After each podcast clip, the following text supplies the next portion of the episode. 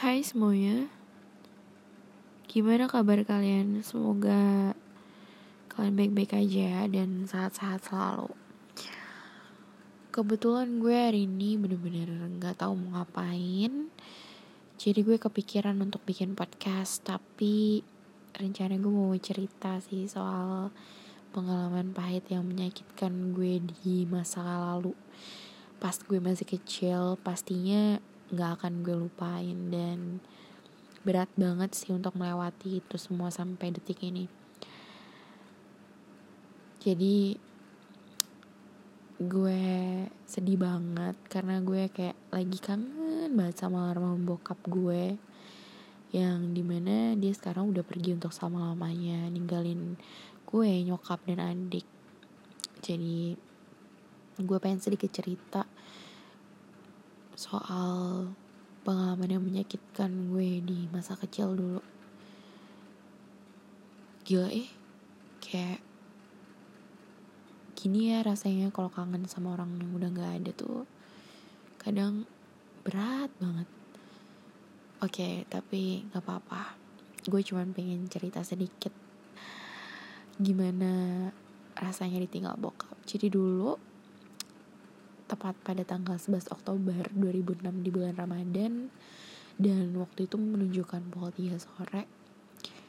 Waktu itu gue masih duduk di bangku kelas 4 SD jadi setiap pulang sekolah sore-sore tuh gue selalu main lompat tali dan main sepeda sama kawan-kawan gue. Jadi kita selalu ketawa bercanda main deh pokoknya nggak inget waktu. Kadang sampai maghrib kadang itu ngebuat apa ya ngebuat gue lupa kalau gue tuh sebenarnya lagi sedih itu karena bokap tuh di rumah sakit lama banget sampai gue tuh nggak pernah ketemu sama dia. Jadi kayak bener-bener udah parah banget. Kebetulan bokap tuh sakit jantung diabetes dan paru-paru ya karena dulu dia seneng banget ya namanya ngerokok. Itu nggak stop kayak ya bener jadi buat kalian plus banget kalau sayang sama diri kalian rokoknya dikurangin jangan terlalu kuat banget gitu loh. Jadi itu membahayakan ya. Dan sayangkan kayak misalkan sama diri kalian sendiri gitu. Kalau untuk ngerokok itu aduh pokoknya jangan deh kalau bisa jangan gitu. Kasihan orang-orang yang sayang sama kalian. Oke okay, out of topic tadi ya. Jadi uh, lanjut gue ketawa tiwi sama teman-teman tuh untuk mengurangi rasa kangen gue sama bokap gitu. Jadi tiba-tiba pas sore hari gue lagi main um, ada telepon nih berdering. Biasanya nyokap selalu nelfon setiap sore untuk mastiin kalau gue tuh sama adik gue udah makan udah mandi gitu. Jadi pengasuh gue uh, alias mbak yang dari dulu deket banget dari kecil gitu udah ngasuh gue dan adik gue itu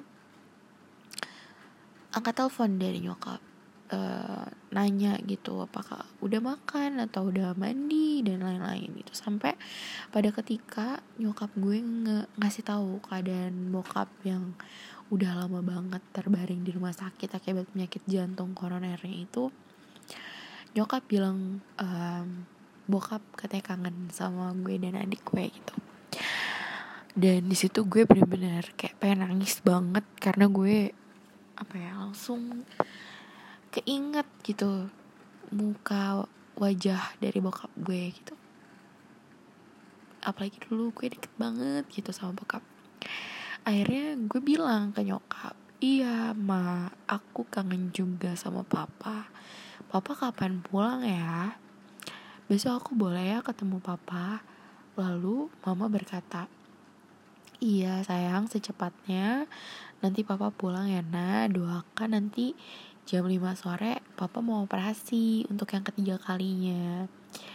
Gue gak ngerti pada saat itu operasi ya, uh, jantung lagi kayaknya sih. Cuman kayak bokap gue tuh udah pasang ring gitu loh. Jadi pokoknya udah parah banget deh. Terus kayak gue tuh kayak deg-degan gitu loh. Langsung pikiran gue ke mana-mana pas tahu kalau bokap mau dioperasi lagi Yang ketiga kalinya gue tuh pengen nangis banget di situ rasanya. Dan spontan gue tutup teleponnya lalu gue menitikkan air mata bener gue nangis. Dan kesenangan gue pada saat bermain sama teman-teman tuh udah buyar gitu aja. Dan gue memutuskan untuk mengakhiri permainan. Kemudian gue memastikan dan dan kemudian gue memutuskan untuk mandi gitu. Gak lama telepon berdering lagi mbak gue nangis seketika pas angkat telepon itu gue pun bingung gue nanya ke pembantu gue Mbak, Mbak kenapa nangis? Papa ya? Papa kenapa? Dengan polosnya gue bertanya. Lalu ya jawab, Papa nanti pulang kak. Dengan gembira ya gue berkata, Alhamdulillah akhirnya ketemu papa lagi, papa pulang, yes yes yes.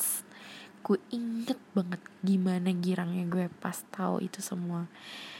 Berarti papa gak jadi operasi ya mbak? papa udah sehat ya wah waktu itu gue polos banget dan itu ngebuat pengasuh gue mbak gue itu nangis sesenggukan gue inget banget pada saat itu gue manggil adik gue si Oksan. Di mana dia dulu masih umur lima tahun ya kalau nggak salah seingat gue.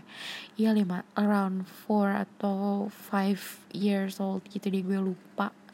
Kayak gue bilang ke adik gue dek papa mau pulang. Nanti kita jalan-jalan lagi ya ke mall Depok sama ke taman bunga that's our favorite place. Dulu gue kalau ke taman bunga tuh kayak seneng banget. Terus kayak kalau ke mall Depok tuh seneng juga gitu.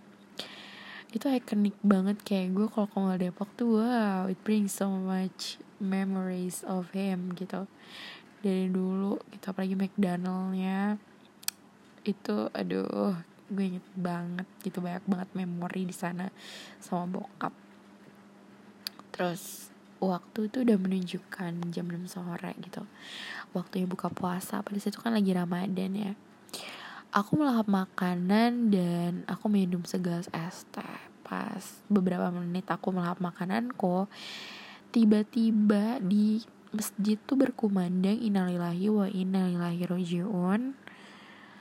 Itu lemes banget rasanya pas dengar kabar duka cita yang di mana itu tuh bener-bener ngebu nge nyebut nama almarhum bokap gue. Secara lengkap. Uh, di situ mbak gue nangis sambil meluk gue yang erat banget. Namun waktu itu gue nggak bisa mengeluarkan air mata gitu kayak masih nggak percaya itu bener gak sih namanya? Salah kali ya. Kayak jantung tuh berhenti banget gitu loh ngerti kan? Masih nggak percaya kabar duka cita tersebut yang nyebut nama lengkap bokap gue gitu.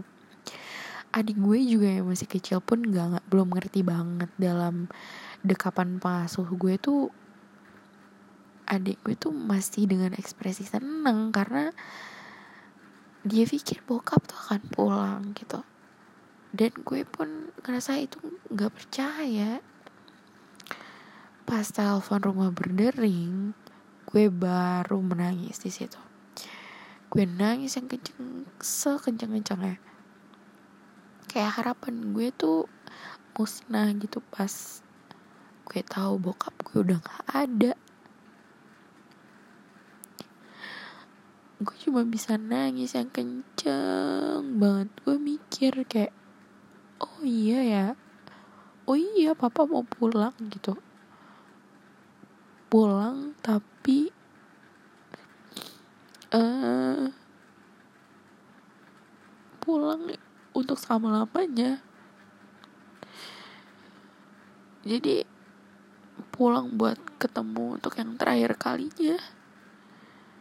Gue di situ cuma terdiam di ruang tamu sambil megang tangan adik gue gitu sementara mbak gue itu repot ngurus segala sesuatu yang harus dipersiapkan dengan bantuan tetangga. Gue ngajak adik gue masuk ke dalam kamar nyokap dan bokap. Di situ kita ngintip lewat jendela. Tenda bendera kuning kursi plastik berwarna hijau yang sedang ditata.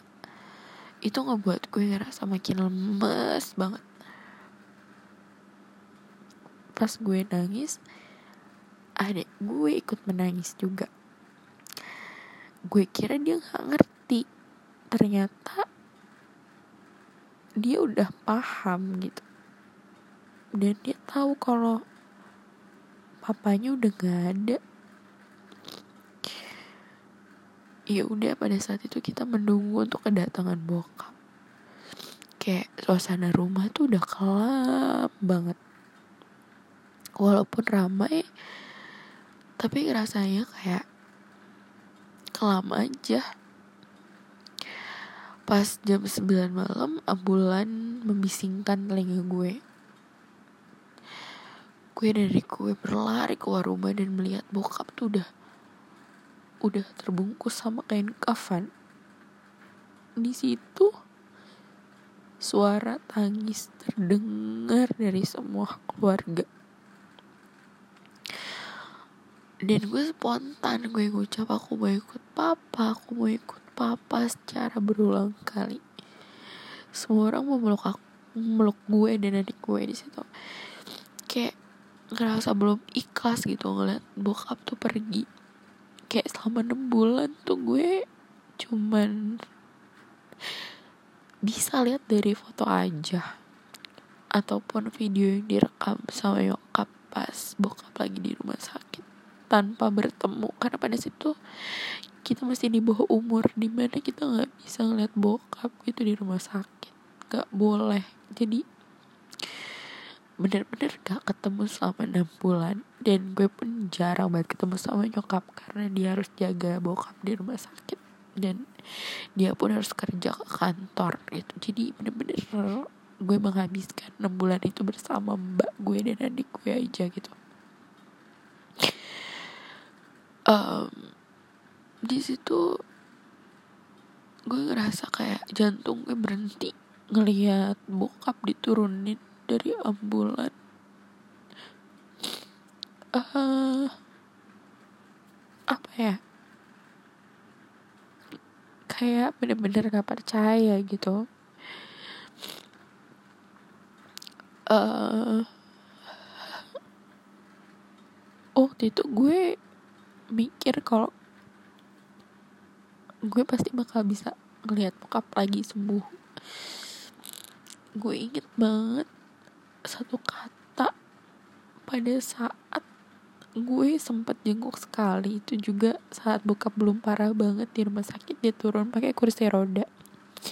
Kita ke lobi rumah sakit dia turun dari atas pakai kursi roda dan dia bilang kalau gue dan adik gue harus belajar yang benar jangan ma banyak main. Terus berdoa untuk mama dan papa. Sholat jangan ditinggal puasanya harus pol. Jangan bolong dan adik gue nanti tuh kalau udah bokap gue sembuh tuh dijanjiin untuk ke taman bunga kita jalan-jalan kita main dan ya apa ya kayak kayak itu kayak mimpi gitu rasanya. Terus um, gue ngerasa apa ya hancur banget literally hancur hancur hancurnya gue sampai bener-bener gak mau sekolah selama seminggu hampir atau dua mingguan gitu. Akhirnya mama gue mencoba untuk menerima perlahan-lahan gitu. Walaupun gue merasa diri gue tuh berubah gitu. Gue gak ceria biasanya. Gue uh, banyak diam gitu. Karena gue pastiin kalau gue kehilangan sosok yang apa ya yang sangat berarti gitu. Jujur gue lebih deket sama bokap ya ketimbang nyokap gitu. Makanya gue ngerasa kayak wow it hurts me the most gitu. Sakit banget rasanya ditinggal bokap karena bokap tuh termasuk sumber semangat gue gitu dalam belajar gitu. Ketika nyokap dulu selalu marah setiap kali gue ngedapet nilai jelek dan bokap gue tuh selalu ngebantu untuk ngulang pelajaran yang selalu gue nggak ngerti di sekolah gitu. Dia tuh sosok yang sosok orang tua yang sabar dan seumur hidup itu nggak pernah marah sama sekali even ke nyokap ke adik gue gitu dan dia tuh mengajarkan gue banyak hal banget gitu. Makanya gue ngerasa deket banget sama bokap gue dan wow gue sangat sayang banget sama almarhum bokap gue sampai saat ini. Kadang gue suka masih kangen banget. Itu udah kalau dihitung itu udah 13 tahun berlalu lah ya tapi gue tetap masih rindu sosoknya gitu. Dan gue selalu berandai gitu. Kalau kalau bokap gue tahu sekarang gue sudah bekerja sudah bisa uh, apa bisa menggapai apa yang gue inginkan sudah bisa me, sudah bisa menjadi anak yang membanggakan mama gitu. Alhamdulillah gitu kayak gue seneng banget gitu bisa melewati hari-hari tanpa bokap. Tapi gue masih bisa menggapai apa yang gue impikan dulu dan tanpa apa ya walaupun tanpa bokap tapi gue ngerasa ini semua buat bokap gue.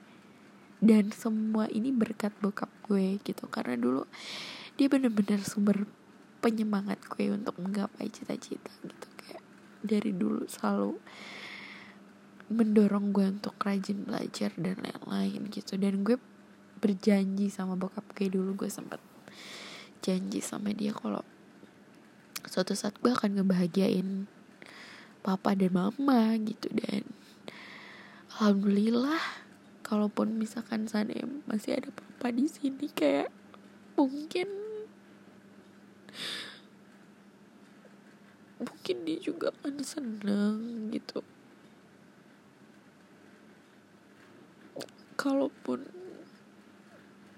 nanti ketemu lagi pengen banget meluk gitu.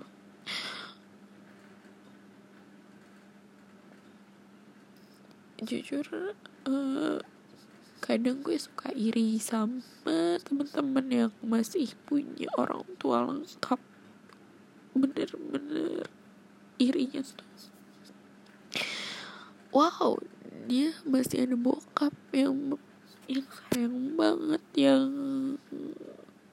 yang masih bisa ngeliat dia tumbuh ngeliat temen gue tumbuh dari kecil sampai besar gitu. Sedih sih sedih banget gitu tapi nggak apa-apa mungkin dengan dia nggak ada itu bu ngebuat kayak gue pikir kalau Allah tuh sayang sama bokap gue karena dia udah melewati hari-hari yang berat dalam um, apa menjalani pengobatan yang segitu lamanya sampai gue ngerasa kayak aduh kasihan banget bokap gue ya gitu. Jadi gue pikir kalau mungkin ini yang terbaik dan mungkin suatu saat kita bisa bertemu lagi satu keluarga. Dan hopefully semoga aja gitu. Dan nyokap gue pun sampai sekarang memutuskan untuk nggak menikah karena dia pikir kalau dia menikah lagi nanti kalau udah meninggal dia nggak bisa berkumpul sama suaminya gitu atau nggak bisa ketemu sama bokap. Jadi hopefully semoga kita bisa berkumpul di surga nanti amin. Gitu aja guys curhatan gue malam ini. Maaf banget kalau gue cengeng tapi gue emang lagi kangen banget sama bokap. Thank you so much buat yang udah dengerin. Pokoknya intinya sayangin bokap kalian sayangin nyokap kalian sayangin orang tua kalian selagi masih ada. Jangan kecewain mereka. Dan semoga kalian dan orang-orang orang tua kalian sehat-sehat selalu. Oke okay, bye. Good night everyone